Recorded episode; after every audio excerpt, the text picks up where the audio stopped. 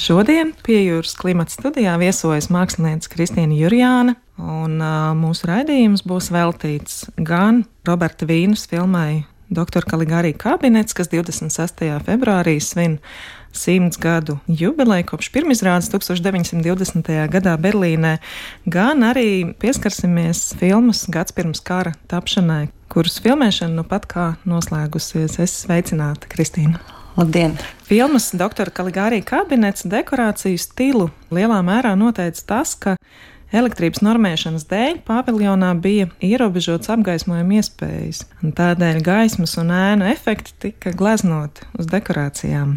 Vai tā mēdz gadīties, ka ierobežotas strāvas padeves, apgrūtināts piekļūšanas lokācijai vai kādu citu ierobežojumu dēļ rodas pat kāds neplānots māksliniecisks koncepts? Nu, cik interesanti, ka tieši šogad ir simts gadi kopš doktora Kaligārī filmas uzņemšanas, jo tajā brīdī, kad mēs strādājām pie gads pirms kara kadrējuma, tad mēs laiku pa laikam iemetām skatu tieši šīs filmas dekorācijās, kaut kādā ziņā dažviet iespaidojāmies, jo kaut kādas līdzīgas noskaņas arī mēs gribējām dažās no mūsu epizodēm panākt.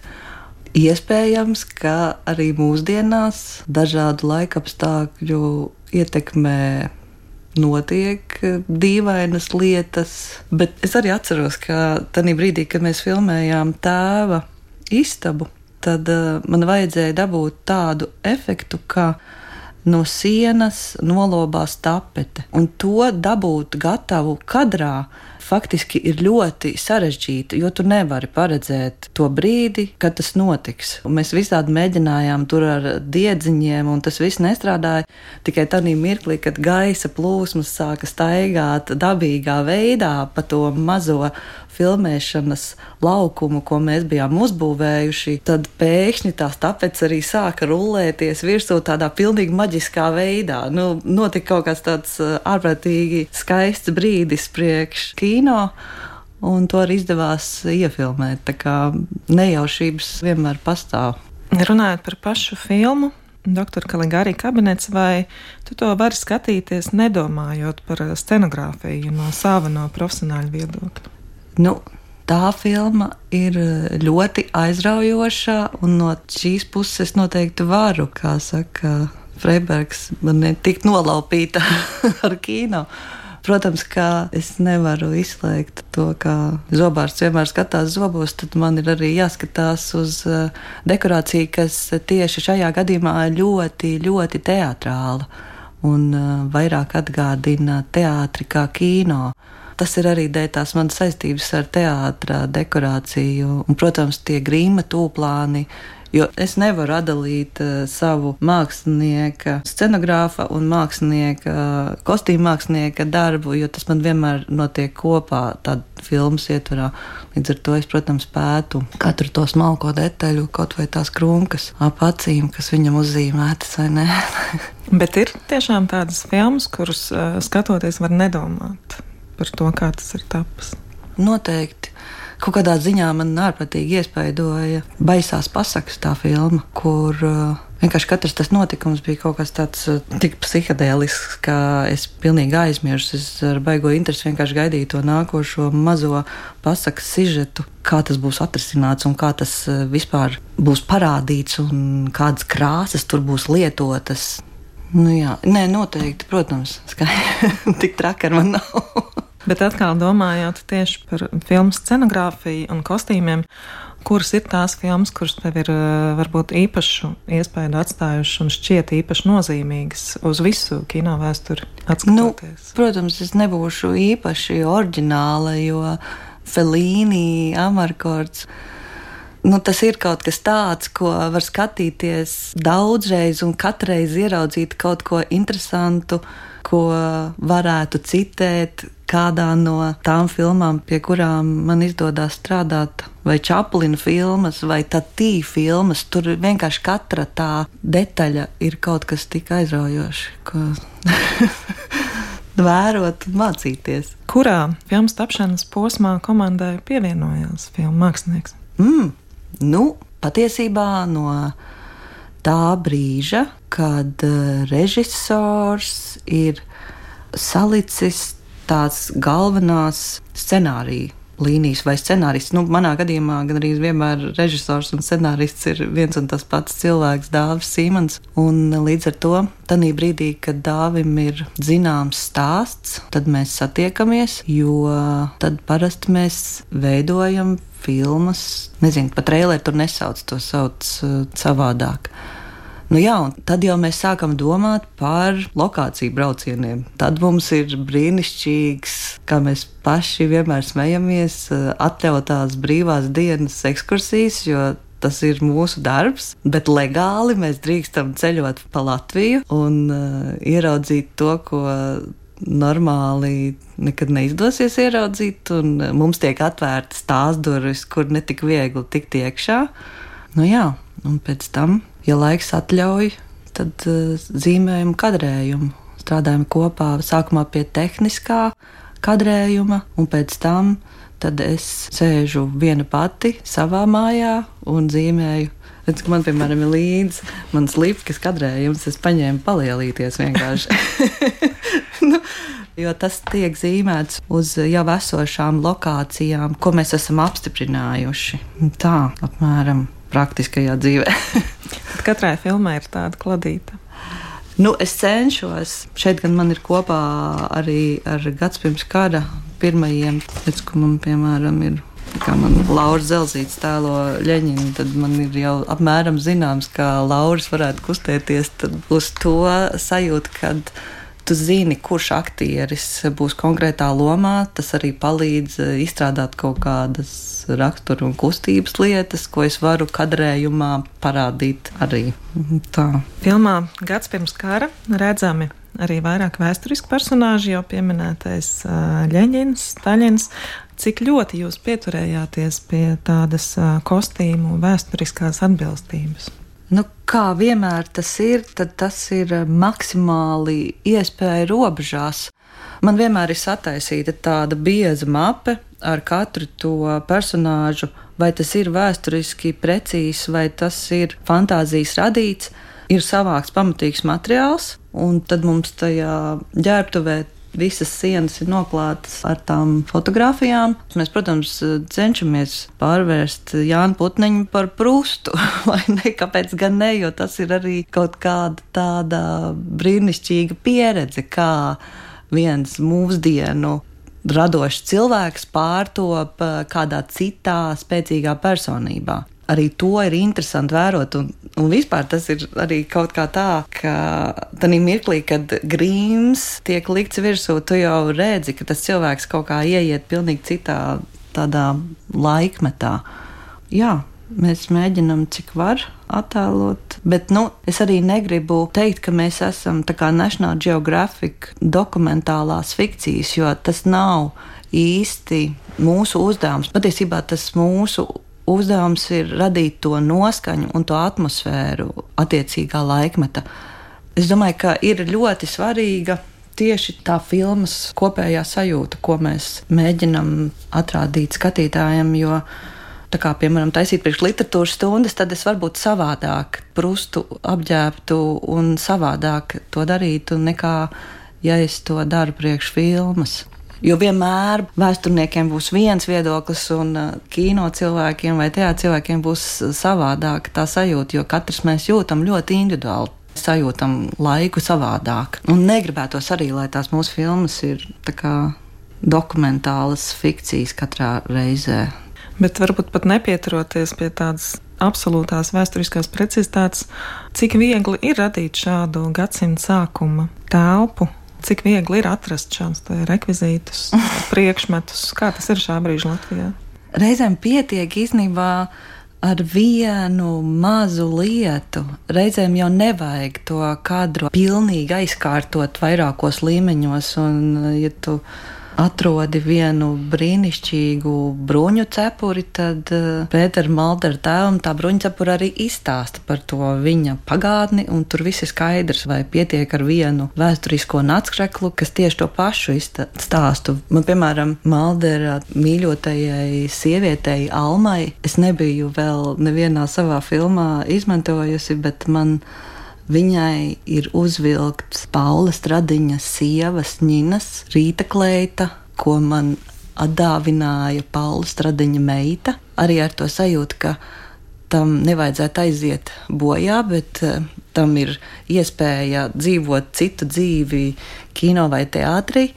Un uh, šī arī bija tāda Eh, brīnišķīga iespēja, ka tas uh, austrumu stils, kas bija gadsimta sākumā modē, ir arī šim japāņu stila halātam. Un uh, Almai man ir tas halāts, viņa sēž savā darbistabā ar ņīnas stradiņas halātu, kas tagad pēc simts gadiem gandrīz sāk pilnīgi citu dzīvi kino filmā. Kolosāli. Tāds vēl viens slānis filmē veidojums. Nu, parasti ir kaut kādi tādi notikumi, kas uh, saved uh, cilvēkus kopā, tāpat kā radošajā dzīvē, tāpat. Man arī pie šīs filmas bija kaut kāds tāds mm, baigi skaists piedzīvojums, jo mēs braucām ar dāvi jau uz filmēšanas laukumu. Jau ir pilnīgi precizēts, ko mēs filmēsim un es zinu, ka man tas, tas, tas ir. Bet, nu, ar Dāvi un Andreju strādājot, vienmēr ir jābūt tādā starta pozīcijā, ka varbūt arī kaut kas vēl cits būs vajadzīgs, ko es nezinu.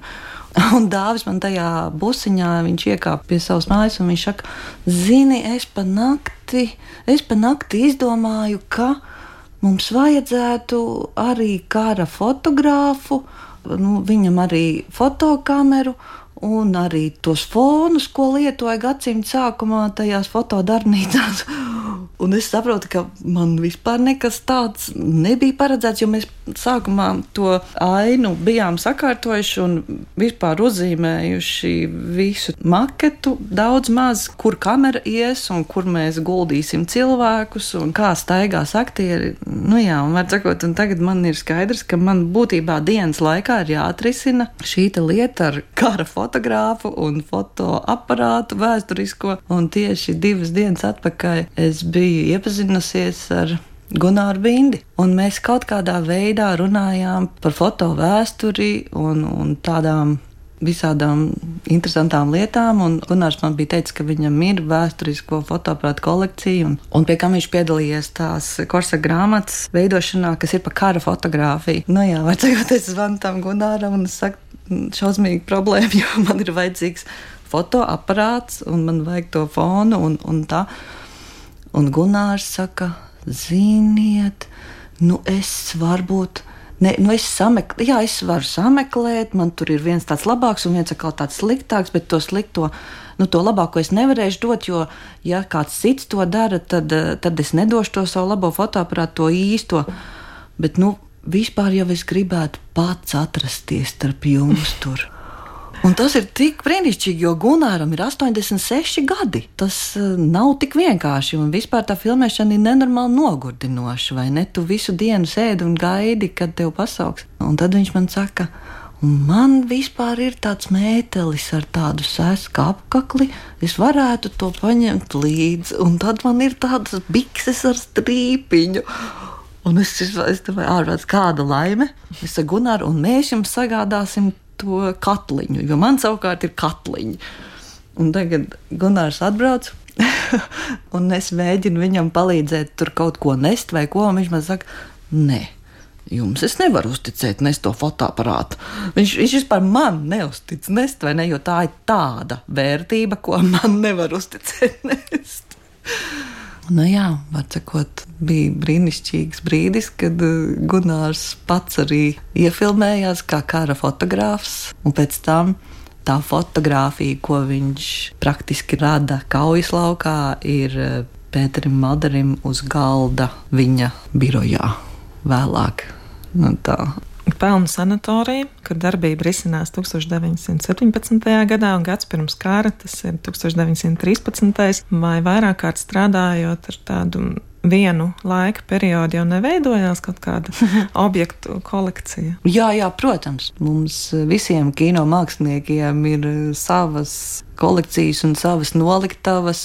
Tāda lieta kā parastie zīmuļi, sērkociņu kastītes, zīmuļu penāļi un um, dažāda veida dvielīši un lupatiņas, papirosi. Tad tas ir tā, tā, tāds, eh, kā to sauc, eh, emergency kit, kas tev vienmēr ir līdzi, jo katrā brīdī tas var noderēt. Nu, man, piemēram, pelnu sanatorijas sakarā ir tā, ka mēs vienmēr savā radošajā grupā smejamies, ka mēs esam jaunu vietu Latvijā atklājēji un pasaulē parādītāji, jo tieši tad, kad uh, mēs bijām izvēlējušies Brijāna ielas Strītska villu, tad uh, tur, protams, nekas tāds nebija kā tagad. Un uh, tieši mēs noņēmām tās vecās tapetes, saktonējām to sienu, sakārtojām to oranžēriju, noņēmām uh, visus tos nokrāsotos stiklus nost, un patiesībā mēs to villu uh, savā ziņā sakārtojām jau tādā kārtībā, kā tagad tā tiek izmantota. Jā, es kaut kā visu laiku jūtos kā strīdska vīls remontu izdarījusi kopā ar saviem mākslas uh, departamenta džekiem, jo tikai pēc tam uh, pārējie ieraudzīja, cik tur ir īstenībā skaistas un ierosinošas tās telpas.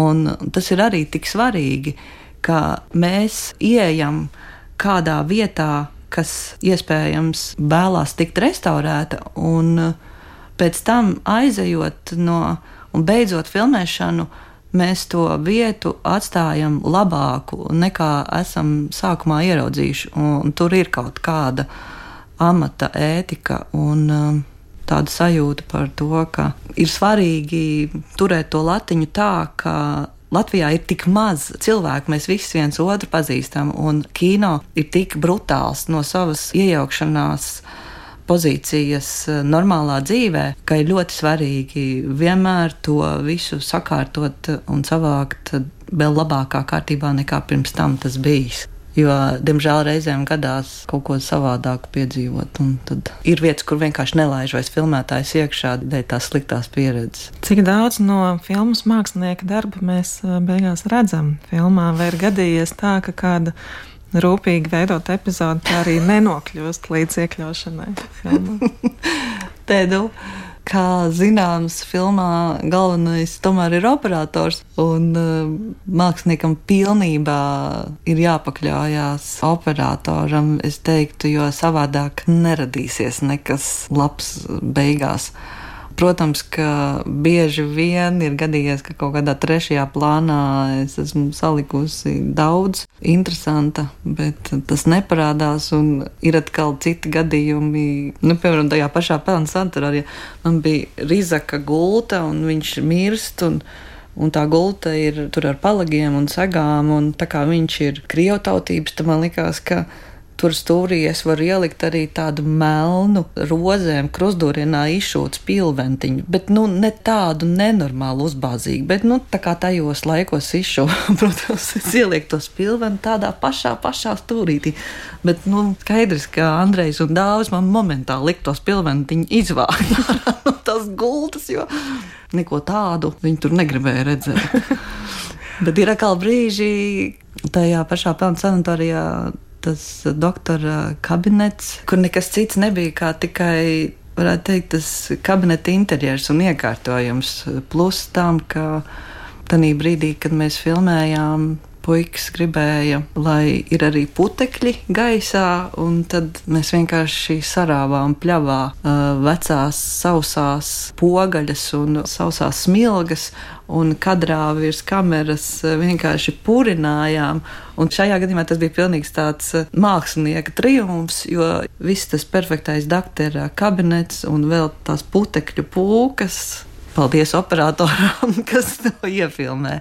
Kurš tā pašai būtu tāds vissaistošākais, vai nu vēsturiskais periods, ar kuru strādāt, vai arī absolūti nereāla, izdomāta vide? Diemžēl es esmu diezgan piesardzīga, un man patīk eh, kaut kāds komforts darba ziņā, un ir viegli strādāt eh, tajās radošajās grupās, kas jau tā kā ģimenes 20 gadu laikā ir izveidojušās. Es domāju, ka es esmu gatava mācīties katru reizi kaut ko citu un izpētīt. Un Bet nu, kaut kā vienmēr iznāk atgriezties pie tās vēsturiskās. Tur neko nevar darīt, jo mēs ar dāvu strādājam pie filmas par Mariju Leiko, arī tur neizbēgami būs atkal vēsturiskas atsauces. Bet nu, tāpēc man ir atsvars teātrī, kur es varu pilnīgi kaut ko citu darīt. Ja man būtu jārada zvaigžņu kari, tas būtu tāds ārprātīgs izaicinājums. Bet tur es kā tāds mākslinieks vienmēr sāku domāt par gaumi, jo tad, kad strādā pie vēsturiskām filmām, tad ir viegli visu to norakstīt uz vēsturiskām fotografijām un uz visām tām atsaucēm, un tur viss ir skaidrs. Plus tu pieliec kaut kādu savu fizioloģisko sajūtu un savas vēstures zināšanas, un, un tā. Bet, piemēram, tāds solāris taču ir tāda filma ir par nākotni. To tikpat labi varētu arī parādīt eh, bez kaut kādiem supremātiskiem gājieniem. Es uz ielas satiku vakar Jauru Mānovu, pilnīgi nejauši. Nācu no Mākslas akadēmijas, un viņi gāja uz Kino savienību. Es tieši teicu, ka ļoti interesē, kā mākslinieki ir strādājuši agrāk pie filmām. Un, eh, protams, līdz eh, neatkarībai visi mācījās Maskavā, un tā bija nopietna kino mākslinieku izglītība. Šobrīd eh, mēs visi, kas strādājam kino, mums nav kino mākslinieku izglītība, bet savā ziņā tas, protams, sasaucās ar tādu gadsimtu sākumu, kad kino radās un kad eh, kino mākslinieki nāca no scenogrāfu aprindām, lielākā daļa vai arhitektiem. Bet uh, Ieva man teica, ka tajā laikā kad pastāvēja kinostudija, tad mākslinieks uzzīmēja to savu vīziju. Un tad uh, kinostudijā bija arhitekta birojs, kas tam visam pielika izmērus klāt. Un uh, vēlāk veica to tehniski. Un labais tonis bija, piemēram, filmā precīzi iet pēc tā kadrējuma, kas tev ir uzzīmēts, un ja tev sakrit tas kadrējums ar kadru filmā, tad tas bija jau tā kā pilnīgi bonus klātai filmai. Un es pati biju kino muzejā, strādājot pie tēvs nakts, mums vajadzēja vecos kino plakātus, un, lai tos iegūtu, tad es gāju uz kino muzeju izkopēt, un tad es redzēju tās brīnišķīgās. Milzīgās dekorāciju skices, ko mākslinieki zīmēja ar akvareli, ar ogli, ar eļļu. Tie vispār ir brīnišķīgi mākslas darbi, kas arī liecina par laikmetu, jo tur var skaidri redzēt, ka tie ir 60. gadu interjeri, mēbeles un īstenībā ārprātīgi aizraujoši. Čels Varslavānas tērpu zīmējumi. Man īstenībā ļoti žēl, ka tas arhīvs, kas ir tādā kino muzejā no mākslinieku puses nenonāk līdz izstādēm, jo tas nav mākslas muzeja arhīvs, un to pat nevar zināt, ka tādas lietas tajā muzejā ir. Ļoti aizraujoši. Paldies par sarunu! Studijā viesojās Kristīna Jurjāna. Paldies!